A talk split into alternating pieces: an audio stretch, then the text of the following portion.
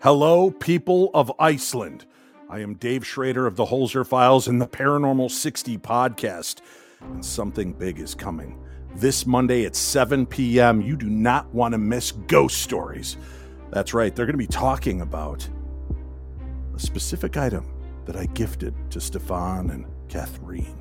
A haunted item, unlike any others that I'd ever encountered. If you tune in, you'll get to meet the baby. But that's this Monday, 7 p.m. Don't be late, because if you are, I'll open the seventh portal of hell. Not the eighth, because I don't have that kind of clearance. I'll definitely open the seventh portal of hell, and it will rain hellfire upon you people. Peace out. Þúsundur Íslendinga verða árlega fyrir aðkasti vegna atbyrða sem ekki eiga sér eðlilega skýringar. Í gegnum tíðina höfum við fengið talsvert af sögum sendar til okkar þar sem fólk er raunverulega að lýsa hræðslu og óta á yfir náttúrulegri upplifun. Atvikum sem hafa komið fyrir þau á stopnunum, vinnustöðum en þó lang oftast inn á þeirra eigin heimilum. Í þessum þáttum munum við fara yfir aðsendar sögur, deila þeim með þjóðunni og reyna betur í þær saman. Ég heiti Stefan John Og ég heiti Katrín Bjarkadóttir og þetta eru sannar íslenskar draugasögur.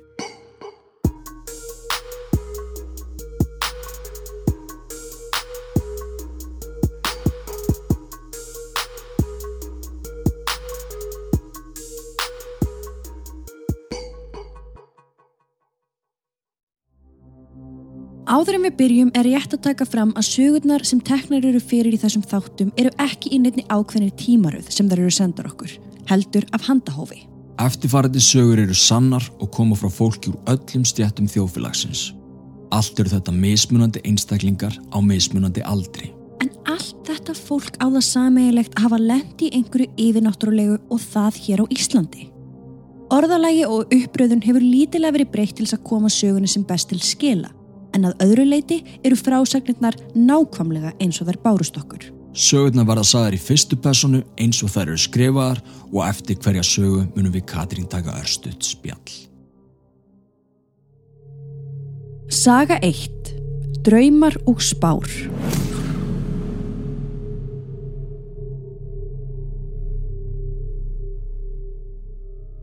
Hér koma tvær stuttar frásagnir frá sama aðila.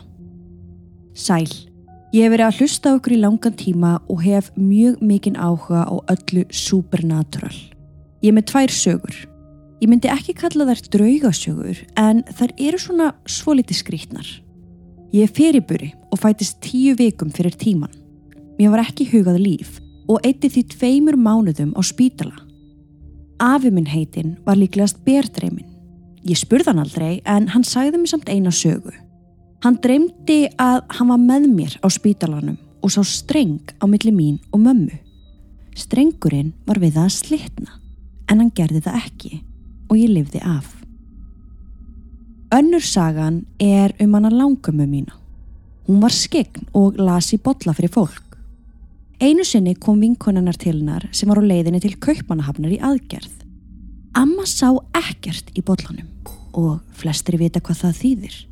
En auðvitað vildi hún alls ekki segja vinkonu sinni frá því. Vinkonennar skildi við hana reið vegna þess að hún hafði ekki síðan eitt. En vinkonennar ömmu lést í aðgerðinni. Takk fyrir geðvögt flott og fróðulegt hlaðvarp. Þessar tvær frásagnir eru magnaðar og í rauninni þarf ekkert að útskýra þær nætt fyrir ekkar. En okkur fannst samt mikilvægt að þær erðu teknar hér fyrir í þættinu vegna þess að við fengum alveg gæsa á þegar við lásum þetta sko. Í fyrstu frásögn talar um að afaðínum hafi dreymt hennan draum þar sem hann sá að naflastrengurinn var við það að slitna. Hann gerði það samt ekki og þú lifðir af. Það skemmtilega við svona drauma er að hver sem er getur dreymt á. Einhverju hlustendur hér kannast örgla við það að vera sífælt að dreyma einhverja hluti sem verða svo að hafa einhverja þýðingu í lífinu. Og svo eru aðrir sem hafa kannski bara lendið í einu sinni. Þetta kallast að vera berðdreymin, sem sagt sjá fyrir því sem á eftir að gerast. Og það er búið að gera nokkrar rannsóknir á þessu en enginn þeirra er í raun og veru nógu vísendaleg eða örug. Einhverjar þeirra hafa komist að því að þriðjungur jarðabúa sé bjardreimin á meðan önnur segir helmingur þeirra. Það er svolítið mikið. Já, Það er talið að þeir sem að trúa á hið yfirnáttúrulega séu líklegri til þess að dreyma svona drauma heldur en þeir sem ekki trúa einfallega vegna þess að þeir sem ekki trúa myndaldri dett í hug að setja sama sem merki á milli drauma og raunveruleika. Góði punktur. Þetta er stórt viðfangsefni og í rauninni væri hægt að gera heilan þátt um kenningar sem tengjast þessu en bara til gamans þá er hægt að skoða nokkrar kenningar hér. Fyrst var það könnun sem var gerð á hópi fólks og hér er eitt dæmi. Einstakling dreymir að hann sé að slást við einhvern. Þegar hann vaknar upp þá finnur hann fyrir tilfinningunni reyði. Næstu nótt dreymir hann eitthvað sorglegt. Hann man ekki einn smáatriði úr drömnum en hann man að hann var leiður og að hann hafi farið að gráta. Nokkrum dögum setna lendir þessi einstaklingur í bílslesi. Hann slasast ekki en þetta var að sjálfsögja ákveð áfall í hans lífi. Eftir slesið var hann bæði reyður og leiður og mögulega byrjar hann þá að tengja þetta atvik við draumana tvo sem hann hafði dreymt nokkrum dögum og undan. Að sjálfsögðu er alveg möguleiki að hann hafi verið að sjá fyrir slesið en það er í rauninni engin nákvæm tenging þarna á milli, þú veist það er engin smáatriði, Mm -hmm. bara sömu tilfinningar. En þessar tilfinningar, reyði og sorg eru hins vegar mjög stórar og algengar tilfinningar að finna í daglegu lífi og því ekkert óæðilegt að þær heimsæki draumana þína líka. Þannig hún sér svona þessa Já, pælingu. já, auðvitað. Þetta meikar alveg sans. Önnur pæling er að þetta sé allt saman bara tilviljun. Jú, jú. Okkur mun dreyma fáránlega mikið á okkar lífsleið og því er ekkert ótrúlegt þannig séð að okkur dreyma eitthvað sem á síðan eftir að gerast. Mm Þriðja pælingin er að þetta sé undir meðutnundin. Þér dreymir um hluti sem að valda þér áhyggjum til dæmis. Ef þú ert að ganga í gegnum sambandslit þá á þér mjög líklega eftir að dreyma það vegna þess að undir meðutundin er á miljón að vinna úr þessum nýju upplýsingum að samband ykkar á milli sé búið. -hmm. Og við gætum haldið áfram endalaust því engin veit fyrir víst af hverju okkur dreymir þess að dreyma. Þetta eru bara endalausar kenningar. En til þess að endi þetta á einhvern hátt þá held ég að séum margir búin að setja sama sem merkja á milli ákveðna drauma og atvika í sínu lífi. Og þá við að tala um fólk sem að dreymi svona oft. Ég get ekki sjálf á mig sem dæmi. Mig hefur dreymt frá unga aldri að ég missi allar tennunar. Í gegnum árin hef ég byrjað að tengja það við áföll eða breytingar í lífi mínu. Mér dreymir hennan draum bara þegar það er eitthvað í ólægi hjá mér eða öðrum og stundum ger ég mér ekki einu svona grein fyrir því sjálf.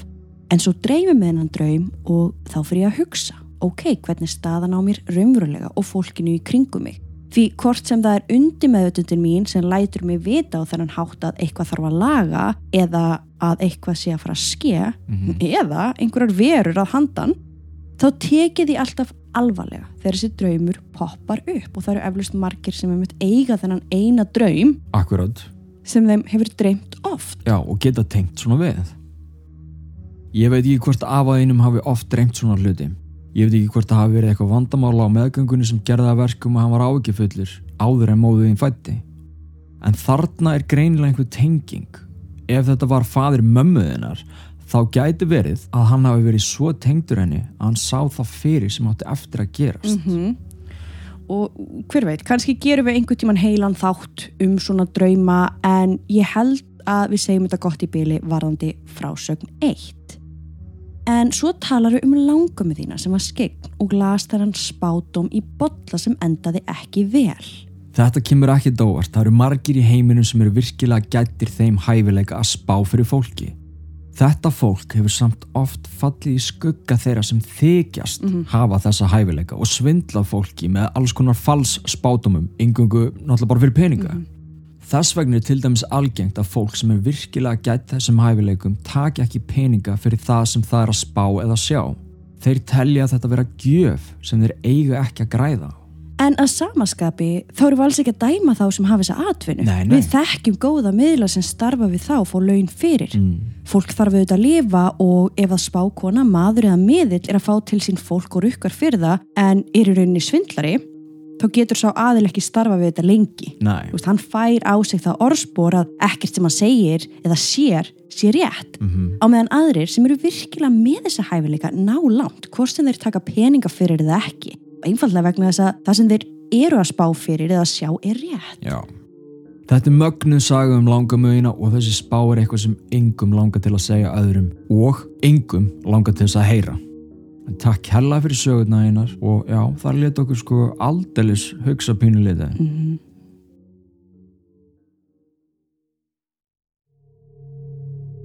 Saga 2. Það sem ég sá.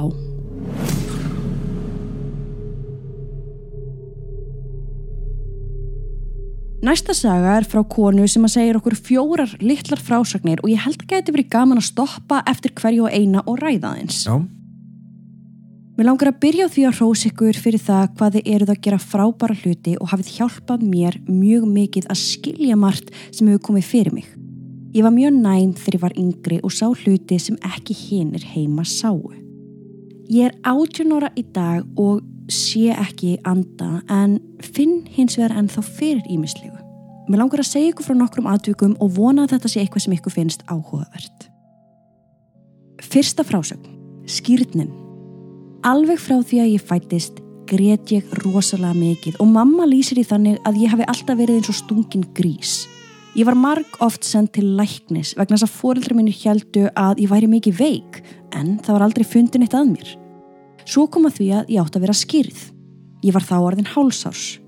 Ég grét alla leiðina að kirkjunni og alla aðtöfnina. Þanga til að presturinn setti vatnið yfir höfuðið á mér. Þá stein þagnaði ég og ég grét aldrei aftur svona mikið eins og ég gerði. Ég var allt í einu mjög rólegt barn og fór brosandi heim úr kirkjunni. Vá. Skýrn er auðvitað bara minniháttar særing. Í okkar kirkju, þeirri kathólsku, eru sjö sakrament. Í þeirri lúþersku er aðeins tvö.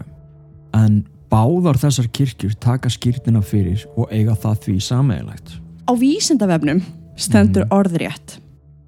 Orðið sakramenti er latnest og þýðir lindardómur eða helgur dómur. Í kirkjunni er orðið notað um ákveðnar aðtapnir og hefur sakramenti verið skilgreint á þennan hátt. Sakramenti er heilug aðtöfn sem Kristur stoppsetti sjálfur, þar sem hann veitir ósynilegum, himneskum, náðargjöfum gegnum sínilegt jarðnest efni samkvæmt orði sínu. Og ég veit að við erum svo litið að fara á trúalega slóður hérna sem við erum ekkit endilega vöna að gera. En það er ómögulegt að gera það ekki þegar við erum á fjallum skýrt. En í skýrtninni er stopna persónlegt samband við Jésu. Hún leiði til fyrirgefningu synda og er táknum að einstaklingurinn hafi hafið nýtt líf sem bróður eða systir Jésu, sonur eða dóttir Guðs.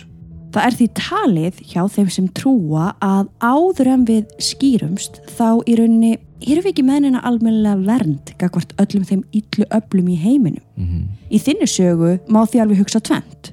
Mögulega er þetta algjör tilviljun sem er auðvitað ekki alveg hægt að útiloka. Mm -hmm. Eða þá að eitthvað hafi verið að elda þig á þessum fyrstu mánuðum og valda þér óþægindum. Þú gætir hafa verið að finna eitthvað, sjá eitthvað eða heyra eitthvað sem engin annar var var við. En svo um leið og þú ert skýrð og fær þessa vernd, þá var ómögulegt fyrir það illa að ganga á þig lengur. Það bara komst ekki að þér. Aftur er nöðsynlegt að minnast á að við erum ekki að staðhæfa eitthvað, við erum engungu að fjalla um kenningar sem engin vísindarleg rauk eru fyrir, eins og með svo margt sem tengist þessu yfirnáttúrulega. Jú, jú. Önnur frásögn. Sjómaðurinn í vöflukaffi. Pappi minn er sjómaður en þegar ég var þryggjára druknaði mjög góður vinur hans. Pappi og vinnufélagar hans af sjónum komu allir saman heima hjá einum þeirra í vöflukaffi til að minnast hans. Þryggjára fekk ég að koma með en ég tek það fram að ég hafði aldrei hitt vinan sem druknaði en ég heyrst um hann en það var ég bara þryggjára. Við sátum við borð en það var auður stóll við hliðin á mér. Einn mannana ætlaði að setjast í stólinn en ég stoppaði hann og sagði að hann mætti alls ekki setjast þarna. Sagði svo nafnið á manninum sem druknaði og að hann sæti þarna. Það var alveg þögn og allir glóftu á stólinn. Ég minn ykkur á að ég hafði aldrei hitt, séð nýja hýrt um mannin. Vá, svona sögur eru alls ekkit óalgengar. Nei. Þarna hefur maðurinn verið að setja til borðs með ykkur í sinni eigin minningarátöfn og þú, elsku litla, að opna þryggjar á patt sástan en ekki hinnir.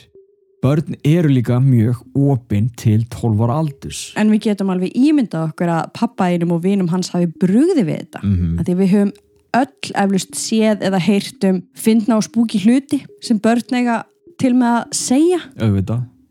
Við gáfum einmitt út væral þátt um framhaldslífið en þar voru einmitt börn sem mundu eftir ákveðnum hlutum, stöðum og fólki sem það hefði eðlilega ekki átt að muna eftir eða þekkja. Nei, þið geti hlusta á hana þátt bara á Spotify eða Apple Podcast. Já, hann er mjög fræðandi og þetta er svona, já, allt og mikið eða til þess að vera tilviljanir Já. bara, sko. En þetta er svipað dæmi og alltaf jafn merkilegt.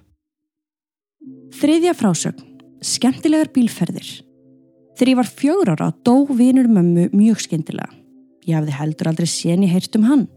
Nokkrum vikum síðar fór ég ofta að sjá mann í bílnum og ég sagði mömmu að hann héti sem mömmu brá mikið við að heyra því að vinur hennar hét nákvæmlega sama.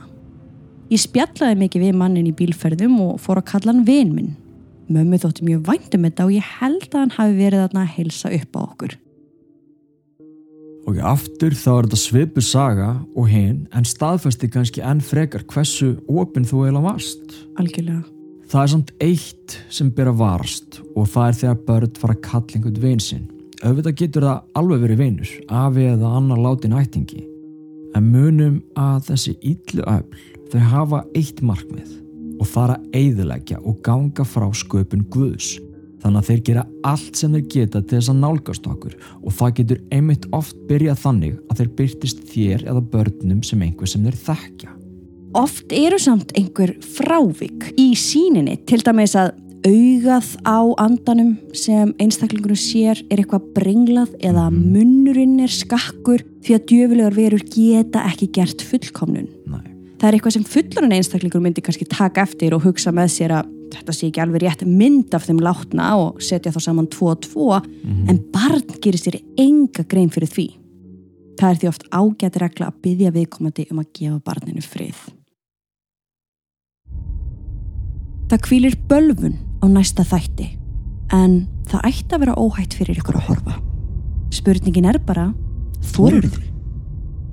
Næsta mánudag á Ringbraut kl. 19.00. Fjóruða frásögn, maðurinn inn á baði. Þarna var ég fjögur ára gömul og vaknaði til þess að pissa á nánast hverju einustu nóttu. Inn á baði var lítil trappa við hliðin á baðkarinu sem ég man mjög vel eftir vegna þess að þarna stóð alltaf maður í jakkafötum. Ég hrættist hann ekki og man ekki eftir því að hafa áttinn einu samskiptum við hann. Ég veit ekki ekkur hann var hann en ég held að hann hafi ekki meint neitt illt. Ég kýsa að koma ekki undir nafni en ég ósk ykkur alltaf besta og hlaka til að heyra meira frá ykkur. Og þetta er seinasta frásögnum frá þér. Mm -hmm. Þú ert að sjá þarna manni í jakkafötum, þú hrættist hann ekki, kannski að því þú varst hvað sem er alltaf að sjá fólk, hver veit. Þetta gæti að vera hver sem er, verndariðin jafnvel, andi sem kom bara þarna við af og til, kannski einhver sem er tengdur húsinu eða staðnum, eða einhver dekkri sem var að reyna að nálgast þig. En hvað sem þetta var, þá gata greinilega ekki nálgast þig á þann hátt að hann hrætti þig eða ónáði þig og mikið sem lætur okkur halda að líklegast hafi þetta verið einhver algjörlega ótengdur þér nú eða einhver sem var þarna bara kannski að verða þig Af því að þeir byrtast alls konar. mm -hmm. Minn vendari sem ég kynntist þegar ég var um áttara aldur var til dæmis svartklætur með stóra svarta hettu. Hann heimsótti mig á hverju kvöldi. Stundum hrættan mig en ég vandist honum. Hann bjargaði mér frá alls konar hættum í lífinu og hægt og rólega þá fattaði ég að hann var að passa mig. Ef ég hugsa út í það núna samt, þá leitar hann alveg frekar creepy út. Já. En málið er að útliti segir bara ekki allt. Mm Hann kvatti mig svo bara þegar ég var komin á táningsaldur. Já. Þessi verndarar eiga það nefnilega til að byrtast bara á hinum og þessum stöðum þeir tala ekki endilega við okkur, þeir bara er Akkurat. Takk kærlega fyrir söguna þína, virkilega skemmtilegar og gaman að rýna í þar Saga 3 Strákarnir og stóra veran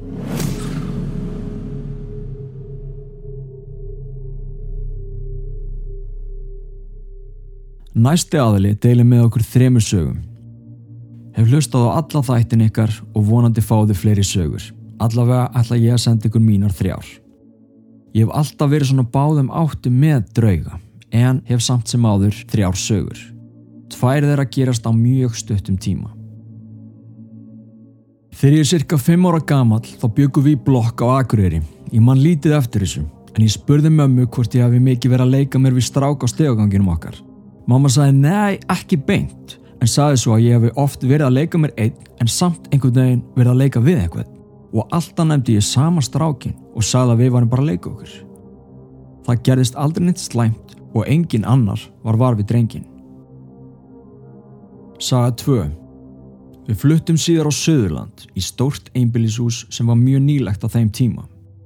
Við vorum ekki búin að vera aðna nema í nokkra daga þegar ég kem hlaupandi út úr herberginu mínu og sagði að ég hafi sér blöytan strák þar inni og þegar það er farið með mig þangað inn var engin sjáanlegur. Þetta sama atvik endur tók sig en eftir það fór ég aldrei aftur einnin í herbergi mitt og svaf þar aldrei aftur. Við fluttum sér fljótlega eftir það og það kom síðar í ljós að drengurinn sem átti þetta herbergi á undan mér druknaði sem barn. Saga 3 Þessi saga gerist nokkrum árum setna. Þá er ég einn heima kvöldi til og ávera sofandi á meðan mamma var í heimsókn í næstu íbúð. Þetta var svo rathús. Ég vakna við eitthvað og sest upp í rúminu og þegar ég lít við endan á rúminu stendur þar stór vera. Fyrsta sem ég ger er að henda mér í rúmið og sængin yfir haus og ligg þar. Fann eins og dínan þyngdist til fóta eins og að veri stíið upp í rúmið. Svo opnast hörðin í herbergið og allt var eðlilegt.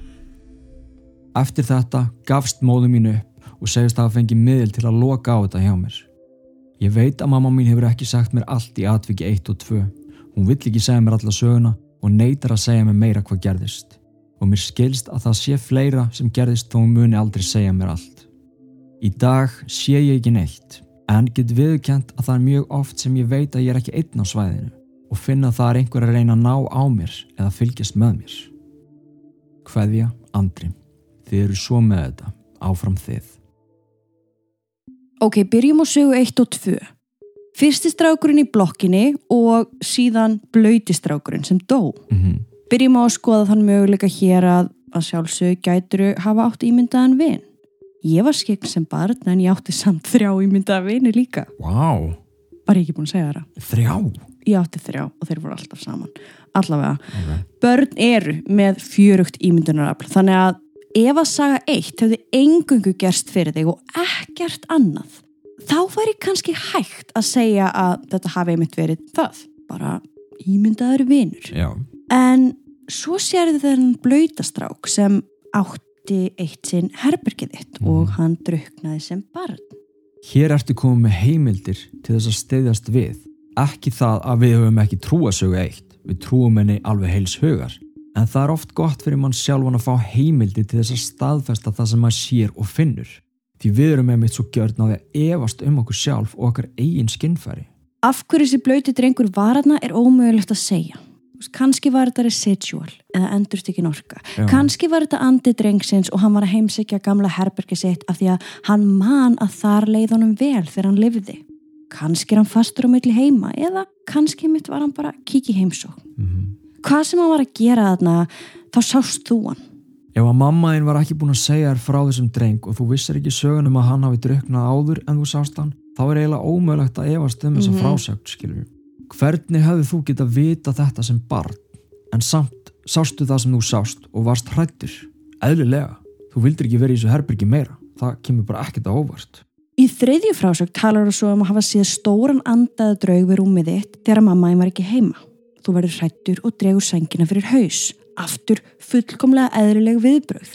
Eins og ég sá einhvers staðar skrifað, þú óttast að ekki vera einn í myrkrinu heldur óttastu að vera ekki einn í myrkrinu. Já, Það er það sem við óttust. já, Mér finnst þetta góð setning í raun og eiga vel við hér. Þegar maður liggur upp í rúmi með slögt ljósin, þá býst maður við því að vera einn. Mm Svo þegar maður kemst að því að maður sé það ekki, þá bregður manni og maður verður hrættur. Svipað og að bregða bara um miðjan dag þegar þú ert að setja í upptötavíluna og makiðinn sem þú heyrir ekkert í labbarinn. Okkur bregður því við heldum að við værum einn. Einmitt. Tökum svo einn í myndina að þetta var ekki mamma en að setjast á rúmið þitt, heldur stór vera sem þú þekktir ekki. Hræðslan verður yfirgnæfandi, hvað sem þú ert barn eða fullorðið. En svo opnast hurðin og allt verður aðlilegt. Hvort að foreldri eða sískinni hafi labbað einn kemur ekki fram í sögunniðinni, en að minnstakosti þá hvarf þessi vera. Hver þetta var sem settist í rúmið er ekkert hægt að segja til um. Aftur þá getur þetta verið hver sem er. mögulega verndari sem gerði sér enga grein fyrir því hversu vel þú sást hann eða fannst fyrir honum, mögulega einhver sem tengist húsinu eða staðinum og í hans veröld sá hann þig ekki, svipað og í kvikmyndinu The Others. Já, þetta er svo merkilegt eins og við segjum alltaf, þessir andar eru allt í kringum okkur nema við sjáum þá bara ekki alltaf. Og það sama má segja um þá. Þeir sjá okkur ekkert alltaf heldur. Vegna þessa kemur einmitt upp alls konar miskilingur þegar báðir aðilar, þá einstaklingur og andi, eru bara að gera sitt í sínum eigin heimi. Þess vegna er oft ágætt að reyna að finna út nákvæmlega hvernig manni leið af því að líka minn okkar gefur okkur ansi góð merki. Ef þú ert að sjá trekk í trekk alla daga þá byrjar að átta þig á að sumir andar og sumar verur gefa þér ákveðna tilfinningu. Mm en það er bara það, tilfinning og ekkert meira. Eitthvað sem þú getur skoðað og séð, já, þetta er reyði sem ég finn í návist þessa anda, eða já, þetta er uh, gleði, þetta er leiði. Já, en þegar við finnum eitthvað annað þegar við finnum neðst í maganum eitthvað sem við getum ekki alveg greint hvað er eða við byrjum að svitna, skjálfa, fáum höfuverk eða eitthvað þvíumlíkt og þá er ég að meina í kringum einhverja anda þá er best að stoppa draga sig úr aðstæðum setjast niður og hugsa. Því að í þeim aðstæðum gætur að hafa verið í viðurvist neikvæðra afla sem hafa neikvæð og furðuleg áhrif á líkamaðinn Þannig get ég stundum erfilega og stundum auðvildlega vitað hvenar ég á að yfirgefa reymda staði sem ég er að rannsaka og ná í rauninni bara andanum aftur. já, Eða halda áfram af því ég tel það óhætt því að það eina sem ég finn er kannski magnfrungin tilfinning sem er í sjálfum sér ekkert hættuleg. aftur þá væri hægt að gera heilan þáttum þetta og þegar við byrjum að skoða og pæli svona kenningum þá getum við haldið endalust áfram. Já, já, já. En hverju sem því líður þá tók móðin ákverðin og hún ákvaða að láta loka á þetta hjá þér. Hún vil ekki segja þér allt sem þú upplifir og það er hún eflust að gera til þess að bara vernda þig. Það getur enginn sagt hvort að það sé rétt eða raung ákverðin hjá fólki að láta loka á svona sínir en það sem við vitum að blessunulega þá vilja flesti fóreldrar engungu vernda börnin sín og fyrst hún ákvaða að láta loka á þetta hjá þér þá teljum við að það hafi verið rétt ákverðin Mm hún þekkir þig og þín viðbrögð eflust best og þá sérstaklega á þessum tíma þegar þú varst ungur Algjörlega. Og þú talar um að finna ennþá eitthvað en þú sérð ekki neitt. Það er eðlilegt. En ef þú vilt ekki finna, þá getur þú beðið þessa anda í kringu þig um að fara. Það getur tekið smá tíma, svo litið eins og maður þarf að segja unga börnum kannski sama hlutin 15 sinnum áður en þau skilja hvers er ætlast til af þeim. mm En á endanum þá virkar það. Já. Takk fyrir sögurnæginar og gangið er vel.